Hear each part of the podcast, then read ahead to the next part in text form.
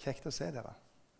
I dag måtte jeg ta for gardinene der ute. for at, eh, Hvis jeg ikke har dem for, så ser jeg ikke dere som sitter der ute. Jeg liker jo å se folk, og Det er ikke fordi jeg vil overse dere som sitter foran meg, men, men jeg syns det er godt å kikke på folk. Um, det er ett og et halvt år siden jeg sto her sist. 3. mars, det år, det, når de stengte ned alt, da jeg talte på siste gudstjenesten. Um, det måtte jeg sjekke opp. Uh, for Noen spurte meg hvem talte på siste gudstjeneste. Jeg nei, det husker jeg ikke. faktisk. Um, og Så sto det i kalenderen, og jeg fant det på, på nettet òg. Så det er på en måte for meg som er sånn klemmer og litt sånn fysisk ikke litt, Som er ganske, ganske avhengig av fysisk kontakt, så har det jo vært et år i ørkenvandring på mange måter. Nå skulle jeg jo ønske at på, altså Jeg sa til Lakke vi skulle fått folk dere på sidekant skulle ha kommet inn, men, men, sånn kan vi jo ikke gjøre nå. Men det, det er jo litt sånn eh, Ikke kan du klemme, ikke kan du på en måte være nær. Jeg var litt spent på Lakke, tør du legge hånda på meg når du ber for meg, eller er du jo, var, for meg var det nydelig, altså. Jeg må si det. Eh, for det, det, har vært litt sånn åh, Det er noe her som, eh, som mangler. Men så kommer gradvis tilbake. Og de er jeg så glad for. Derfor er det godt å bare stå og se litt. Bare kjenne fellesskapet. Så tenkte jeg på den når vi, når vi, den, den, siste sangen der leder sier så bare sånn åh, den kunne egentlig bare stått der i dag. Den kunne egentlig bare stått der som på en måte det som du og meg skulle ta inn i dag. Han som ga alt. Jeg ønsker med livet mitt å opphøye han. Så vet jeg at det ikke alltid skjer, og jeg ikke alltid får det til, men jeg ønsker det. For han har gitt alt. Og det, jeg håper jeg skal være med å ta dere inn i møte med dypere røtter. At jeg skal ta dere litt inn i dette i dag. Uh, ja Skal dere reise dere, alle sammen? Det er godt å strekke dere bitte litt mens vi leser de to tekstene som er for dagen i dag. Salig er den som ikke følger lovløses råd og ikke går på synderes vei og ikke sitter i spotteres seter, men har sin glede i Herrens lov og grunner på Hans lov dag og natt. Han er lik et tre plantet ved rennende vann. Det gir frukt i rett tid, og løvet visner ikke. Alt han gjør, skal lykkes. Slik er det ikke med de lovløse. De er like agner som spres for vinden. Derfor kan ingen skyldig bli stående i dommen, og ingen syndere i flokken av rettferdige. For Herren kjenner veien de rettferdige går, men de, men de urettferdiges vei fører vill. Altså Det som er på en måte teksten min, det er fra Johannes kapittel 16, vers 7-10. Men jeg sier dere sannheten.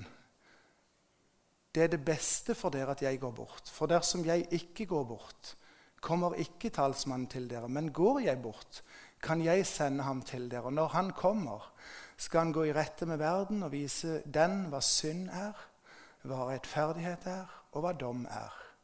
Synden er at de ikke tror på meg. Rettferdigheten er at jeg går til far, og dere ser meg ikke lenger. Dommen er at denne verdens fyrste er dømt. Gode far.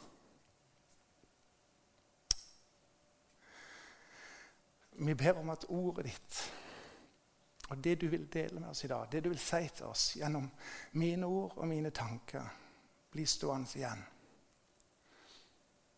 Alt det som er mennesketing og rare ting som jeg kommer på, bare blir liggende igjen. Men at vi, vi kan møte deg i ordet ditt i dag, gode far. Det ber vi om. I ditt navn, Jesus. Amen. Vær så god og sett dere. Jeg tenkte I vår så tenkte jeg nå håper jeg snart gudstjenestene er i gang. Og, det, og så tenkte jeg at hvis jeg blir spurt og det er liksom sånn, eh, stab, Pastorteamet de har spurt meg om å tale en gang i ny og ne. Så tenkte jeg hvis jeg blir spurt igjen, så har jeg lyst til å tale om himmelen. Eh, ikke noe sånn, ikke noe sånn eh, tanke om at jeg snart er der, men, men uh, litt mer sånn at uh, litt mer sånn, jeg, jeg, kjente på, jeg hadde lyst til å dele noe om himmelen. Og så er temaet dypere røtter. Så tenkte jeg hvordan passer dette inn med himmel og hele greia? Og så begynner de med Salme 1, som er ei, ei salme som treffer meg midt Noen sier du treffer midt i planeten, men det treffer meg midt i hjertet. For i 2010, på den første mannsviken vi hadde, så er det en mann som jeg har uh, stor tillit til, som kommer bort til meg og sier han, Svein Arne, jeg tror jeg, har, jeg tror jeg har noe til deg. Vil du ta imot det? Så var jeg jo heldigvis så smart at jeg sa ja til det.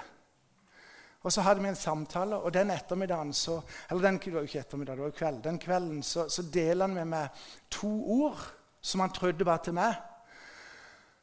Og så sier han Salme 1. Den tror jeg skal bli betydningsfull for deg. Den tror jeg du skal lære deg.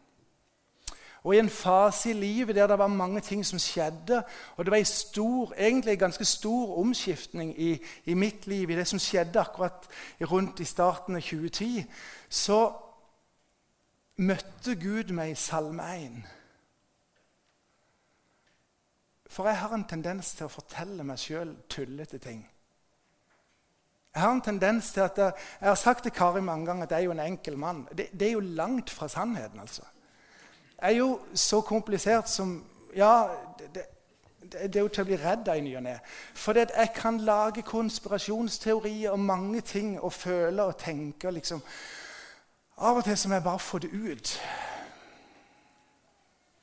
Og så ble Salme 1 et våpen for meg. Jeg, er forferdelig dårlig på å sitere ting utenat.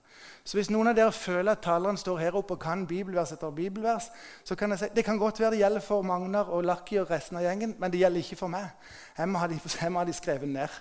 Og jeg må bruke Bibelen og finne dem på, på søkeappen, for jeg er forferdelig dårlig. Så når jeg skulle lære meg Salme 1, så måtte jeg ta ett og ett vers av gangen. Og Så måtte jeg ta vers 1 og vers 2, og så var det vers 1 og vers 2 og vers 3, og så var det vers 1 og vers 2 og vers 3 og vers 4.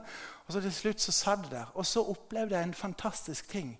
Det var at når disse konspirasjonsteoriene mine, som er små i den store sammenhengen Det er ikke snakk om covid-vaksine eller noe, men sånne små ting som at jeg kunne være sjalu på ting Kari gjorde. Så kunne jeg bruke Salme 1. Og så og erfarte det som står i Bibelen, at det var som et våpen. Og så brøy det noen tankerekker. Noen tankerekker som var i ferd med å styre livet mitt. For det at Guds ord, å vende tilbake til det, det var en hjelp for meg til å legge noen ting bak, til å kanskje strekke meg til å våge å gå videre. Og det var en enorm frihet. Og det var en enorm ting. Og så skjer det ting ennå som gjør at jeg kjenner at av og til så trenger jeg på en måte bare å trekke meg tilbake. Jeg trenger å la Guds ord tale til meg. Ikke tenke tanker sjøl, for de er ikke alltid like smarte. Men la Guds ord tenke, tenke de tankene for meg og tale de til meg. Og Det tror jeg er mye med dypere røtter. Det å våge å høre på en annen stemme enn sin egen. Det å våge å høre på en annen stemme enn, enn eh, den stemmen som er rundt oss. Så leste vi Johannes 16. Et, et sånn et ganske et sterkt avsnitt, et annerledes avsnitt. Og En av de tingene som, som stopper for det, er hva synd er. Hva er synd? Så Hvis vi holder det opp imot eh, eller det som vi leste, så sto det jo ganske tydelig at synd er at de ikke tror på meg. Og så må jeg tenke litt hva er det jeg og jeg, setter jo merkelappen på ulike ting som skjer. Ikke sant? Jeg setter merkelapp på ulike ting i livet mitt. ulike ting i, Og det er jo enklere å sette merkelappen på andre og si at det er synd, og det er synd, og det er han gjør sånn, og hun gjør sånn. Og så møter ord med at uh, syndet er at de ikke tror på meg.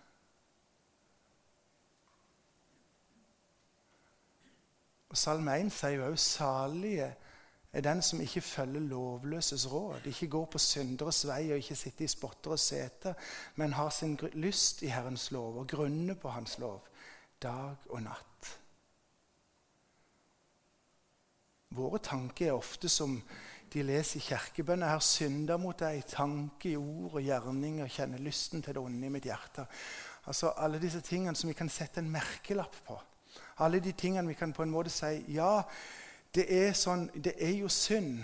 Ja, det er det. Men, men nå er det tekster, og er det ordet, og er det Gud ønsker si til oss? Ønsker å løfte fram for oss?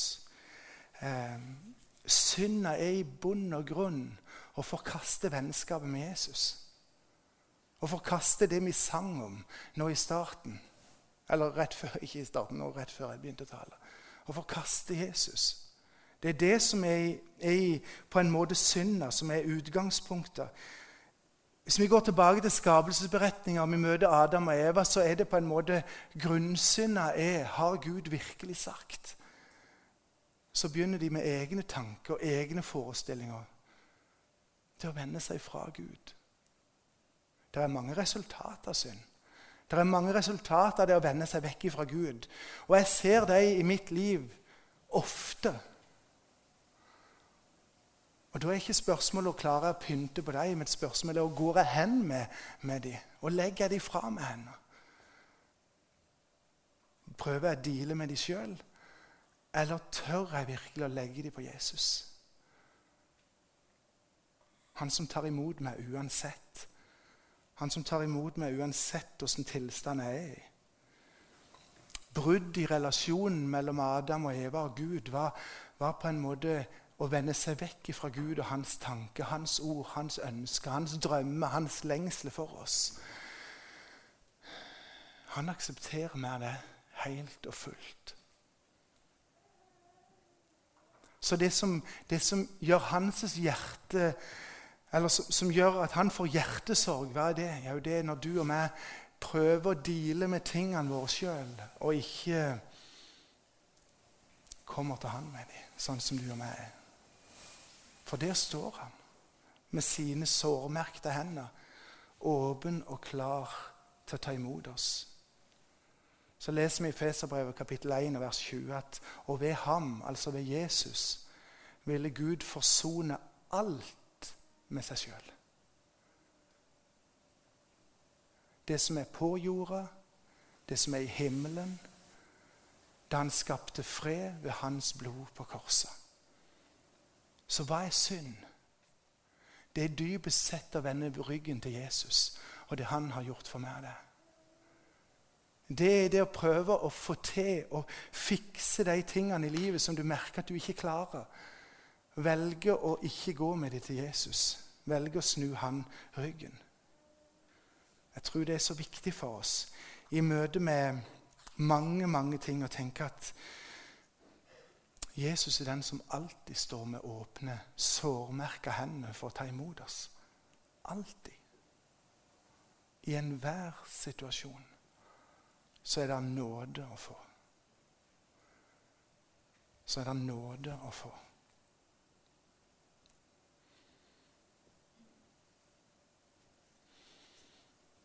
Hva synd er å vende seg fra Jesus og fra det han har for oss og så skulle talsmannen, Den hellige ånd, fortelle oss hva rettferdighet er. Hva er rettferdighet? Og så sier han sjøl rettferdigheten det er at jeg går til far, og dere ser meg ikke lenger.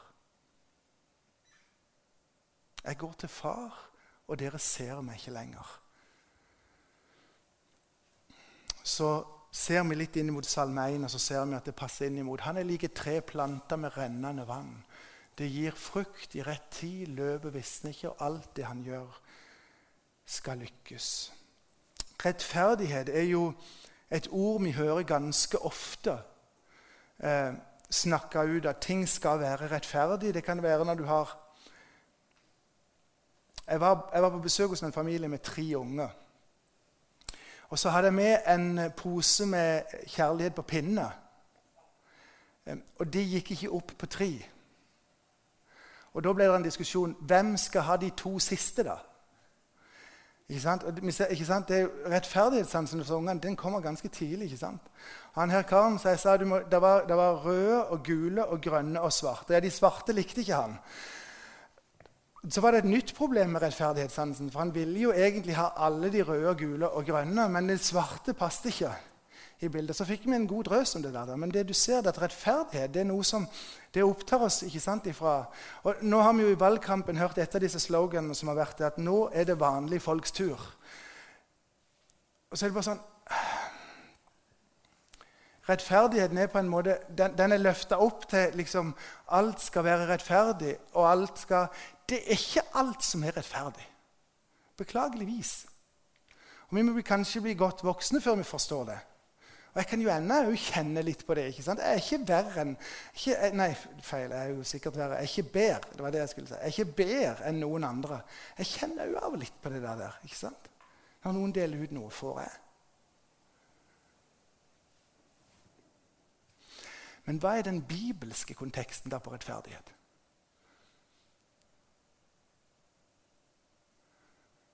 Det er noe annet. Hva rettferdighet er?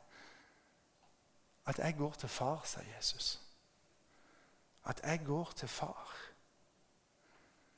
Det ligger litt skjult egentlig i den teksten der hva rettferdighet er. For det, det er liksom Å, fillen.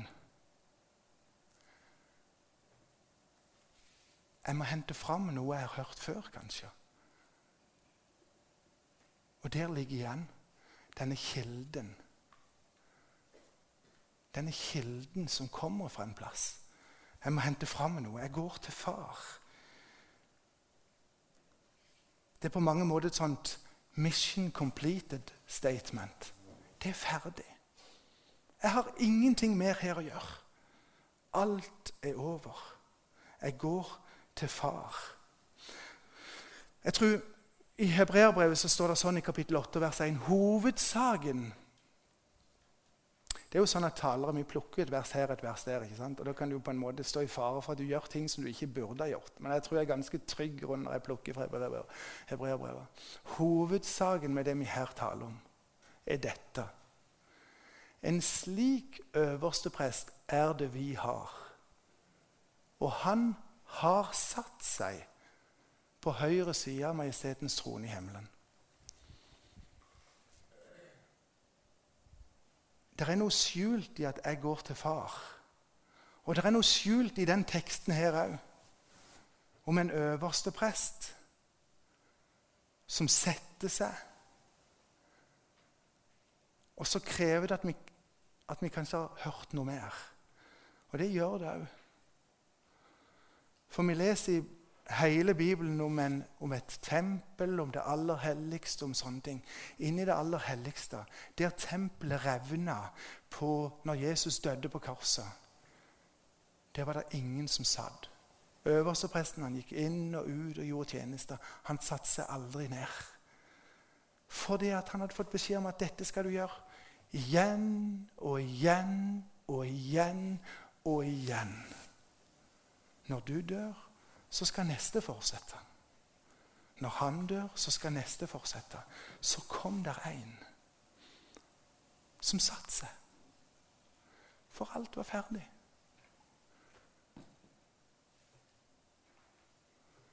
Mission completed. Han trenger ikke gjøre mer. It is finished. Alt er over. Du kan ikke pynte på det Jesus har gjort. altså. Vi kan feire det, vi kan løfte det opp, vi kan klynge oss til det. Men vi kan ikke gjøre det annerledes. Du trenger heller ikke pynte på deg sjøl. Du trenger ikke gjøre noe som gjør at du fortjener å komme i Jesu nærhet. Vi vet, vi som har lest litt om dette med jeg kan ikke alt, langt derfra, men litt av dette med tempel og tempeltjenesten og det aller helligste. ikke sant? Ypperstepresten gikk inn der med et, med et tau i beinet, for hvis han skulle dø der inne, så var det jo ingen som kunne hente han ut. De måtte dra han ut igjen. Ingen kunne gå inn der, for de visste at går jeg inn der, så er han ferdig. Og Hadde ikke han tau, så hadde de jo hatt et problem til slutt. Ikke sant? Det ble jo mye folk der inne. Så kom Jesus, og så gjorde han alt. Så revner forhenget. Og så kan vi med det gå ut og inn akkurat som vi vil. Helt inn i Jesus' i nærhet. for det er ferdig. I Galaterbrevet 5 så leser vi om den gode frukten. Den gode frukten er det ingen som produserer. Den kommer av seg sjøl. Jeg har tre epletre i haven. Jeg prøver å få dem til å bli en sånn vegg. Jeg hadde sett det var en som hadde sånn, lagd sånn, noen pinner som noen, noen, lekte på kryss, og så skal jeg prøve å få dem til å vokse ut og bli en, en flott epletrevegg. Kari ler, ja. Det er ikke rart, for det ser, det ser ikke godt ut. Men, men, anyway. Det er ett tre i alle fall, som bærer mye frukt. Og jeg, jeg tenker, hvorfor, hvorfor, forteller ikke du de andre hvordan du gjør det? Ikke sant? Kan jo ikke det. ikke sant? Er du dum, eller? Ja, jeg er litt dum. Men det er jo litt gøy å være litt dum, for da lærer du kanskje litt mer hvis en innrømmer det. Men han kan jo ikke fortelle det. For det at de bærer frukt. De produserer ikke frukt. Så når eh, plommebonden fra Hardanger sto på nyhetene i beste sendetid og fortalte at i fjor sa han, så fikk jeg to tonn med plommer. Og til nå i år så har vi plukka 15 tonn. Så kunne, han slutt, så kunne han bare ha føyd på det er Herrens velsignelse som gjør rik. Eget strev legger ingenting til. Så kan vi røkte og gjøre ting. Ja, vi kan det. Vi kan være som vingårdsbonden, som, eller vi kan gjøre, være som, som bonden som gjør gode ting med det vi har, forvalte det vi har. Men frukten kommer av seg sjøl. Et ondt tre bærer dårlig frukt, og et godt tre bærer god frukt. Vi kan ikke pynte på det Jesus har gjort. I sangboka som står der, Nå glemte jeg å ta fram jeg skulle gjort det, for der står det en sang som snakker om det er noen som står der sånn om dem. Deres liv har skjulte kilder. Dype vel som springer frem.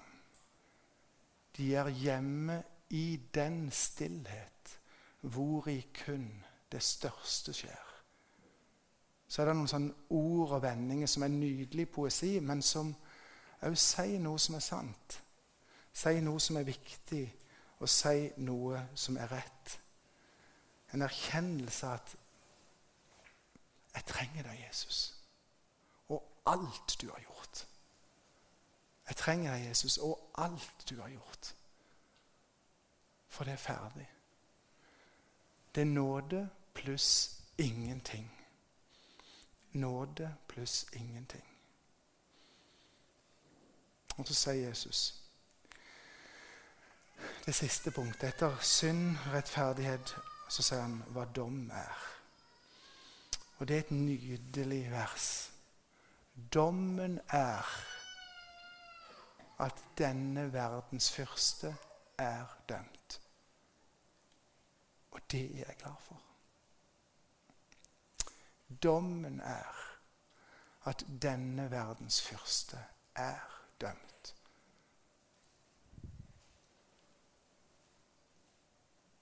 Og i eh, Salme 1 står det derfor kan ingen skyldige bli stående i dommen. Ingen syndere i flokken er rettferdige. For Herren kjenner veien de rettferdige går, men de urettfer urettferdiges vei fører vel. Dommen er at denne verdens fyrste er dømt. For meg er det sånn at eh, av og til når ting topper seg litt på jobb, så tar jeg på meg headsetet og så setter jeg på litt musikk på YouTube. Jeg har en kollega som sitter der, som er ekstremt god til Han, han, han er en hai på Excel-ark. Det er ikke jeg. Jeg må konsentrere meg når jeg fyller ting inn i Excel-ark, men han kan høre på podkaster og syns det er nydelig det når, det, når, det er, når, når, han jobber. Det får ikke jeg til, for da går jo tallene aldeles i krøll. Men jeg setter på litt musikk når jeg kjenner at det er ting som topper seg. Hva er det jeg trenger da? Jeg trenger egentlig å sitere Salme 1. For jeg trenger å rydde opp i noen tanker i livet mitt. Så setter jeg på sang. Så skal dere høre en av det jeg setter på av og til. For det er toner av og til som roer sjela mi. Og Hvis jeg har fått dette til, og Bjarte har gjort alt rett, det gjør han jo alltid, så skal vi se om det kommer noe her. noen minutter i stillhet. I don't know about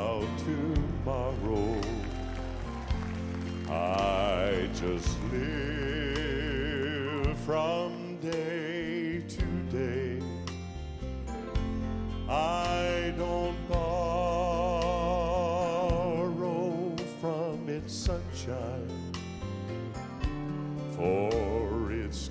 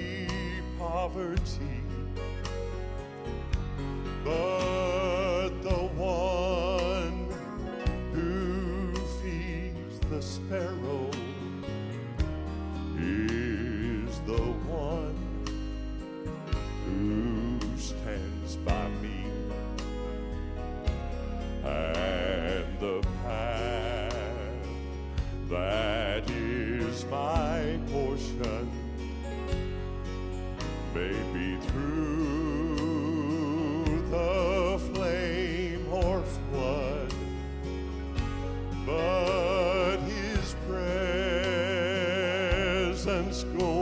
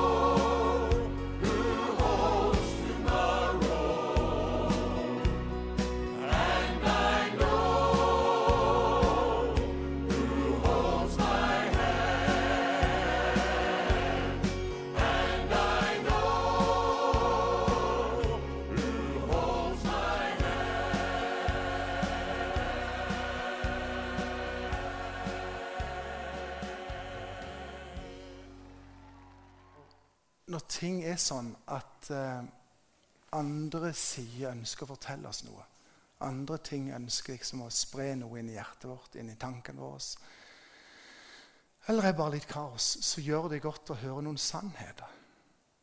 Høre noe som Hva, hva, hva er sannhet nå? Og i forhold til dette med dom så, Og når vi hører om det i, i sånn kristne settinger, så har det vært en del mange kjenner litt på at det er sånn skremselspropaganda.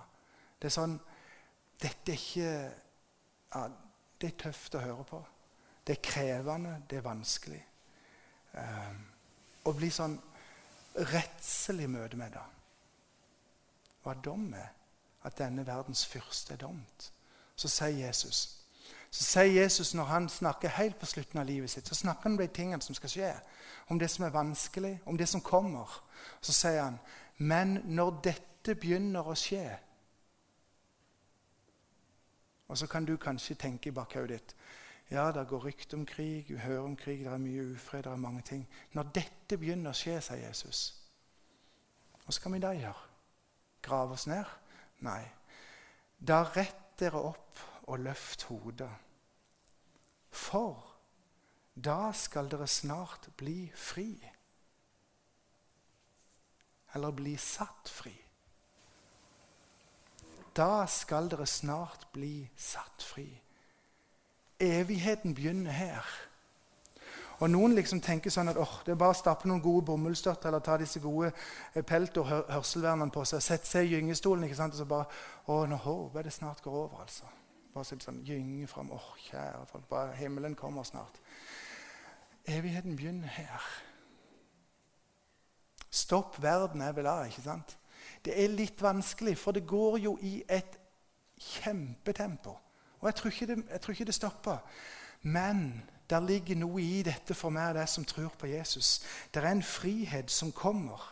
Ja, det står i Johannes 17, vers 3, og dette er de evige livet. Ikke alle tingene du får til, ikke alle møtene du har gått på, ikke at du klarte bibelleseplanen. Det er herlig å høre Larki som sier at han ligger litt etter. altså. Det gjør definitivt det òg. Og Det er ikke det som er det evige livet. Det evige livet er at de kjenner deg, den eneste sanne Gud, og Han du utsendte, eller han du har sendt. Disse nye bibeloversettelsene. Du hopper fra det ene til det andre. Han du har sendt. Jesus Kristus. Det er det det dreier seg om. Å kjenne Jesus. Å være kjent av Han. Å kjenne Jesus og være kjent med Han. Vi starta i dag med Helt i starten så var det jo eh, at de ikke tror på meg. At de ikke tror på meg. Det er mange rundt oss som, som trenger å kjenne Jesus.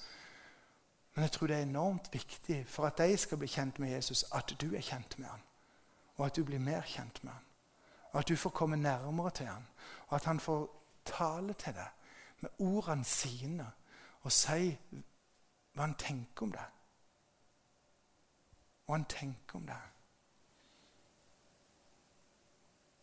Sannelig, sannelig, sier jeg dere, den som hører mitt ord og tror på Han som har sendt meg, har evig liv og kommer ikke for dommen, men har gått over fra døden til livet. Kommer ikke til dommen. Dommen er jo at denne verdens fyrste er dømt. Det er krampetrekninger, det er vonde ting, det er vanskelige ting, ja. Men denne verdens fyrste er dømt. Du er på vei mot himmelen. Du er på vei mot det evige livet som skal slå ut i full blomst. Her nede ser vi bare stykkevis og småting. Det var en som skrev en, en liten fortelling om hva, det, hva, hva er overgangen. Hvordan er overgangen? Så sier han det, det, som, det er som en liten kålmakk, sier han. Når kålmakken blir født på våren, ikke sant, så hva er det han drømmer om? Han drømmer om en kålåger. Ikke sant? Isbergsalat eller hva, hva. Uansett den beste salaten du kan tenke deg, i den grad det er godt, så kan du bare Alt han tenker seg, det er kål. Og, ikke sant? Så skjer det noe en dag. Han spinner seg inn i en puppe. Og den dagen den puppen sprekker, tenker han aldri mer på kål.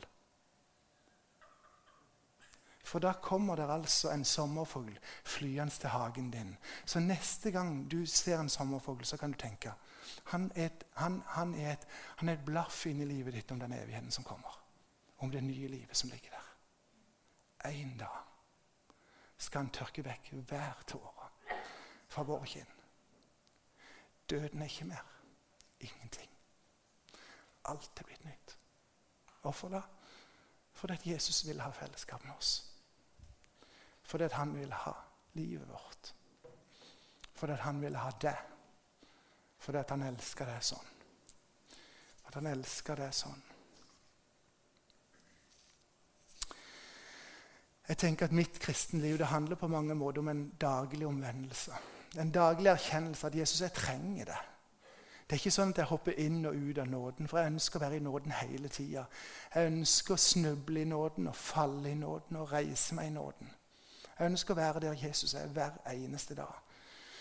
Eh, det handler ikke om å reise i personlighetsutvikling eller å bli den beste utgaven av meg sjøl.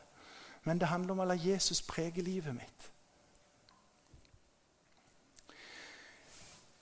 Dette er min bruker på Instagram. Um, og der følger en del folk. Jeg følger Kari sier følger du han. Hvorfor følger du henne? Liksom, det, det, skjer i ny og ne. Uh, derfor ser hun ikke så mye på min Instagram. Men, uh, men jeg, jeg, følger 722 stykker, så er det 545 som følger meg. Så har jeg 527 innlegg. Det er ikke så ofte jeg legger ut noe. Sist gang jeg gjorde det, var 15. august. For da, da, da var det, først, det ettårsbryllup for Susanne og Jakob. For Kari litt. Og så hadde vi jo en hund en stund. Han er òg med ganske mye. Og så dette her julebildet da, som ikke Kari er så glad i heller. Det er flaggstanger med lys i.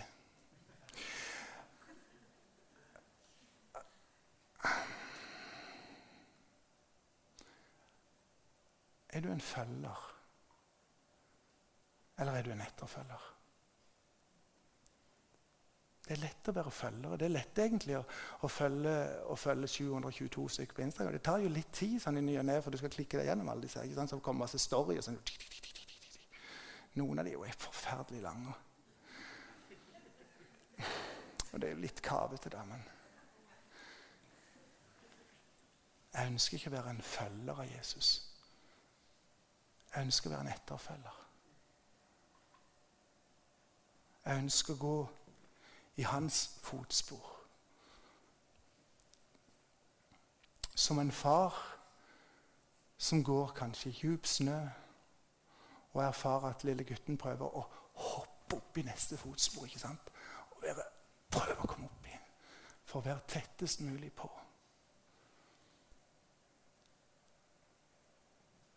En følger betrakter på avstand. Ser noen glansbilder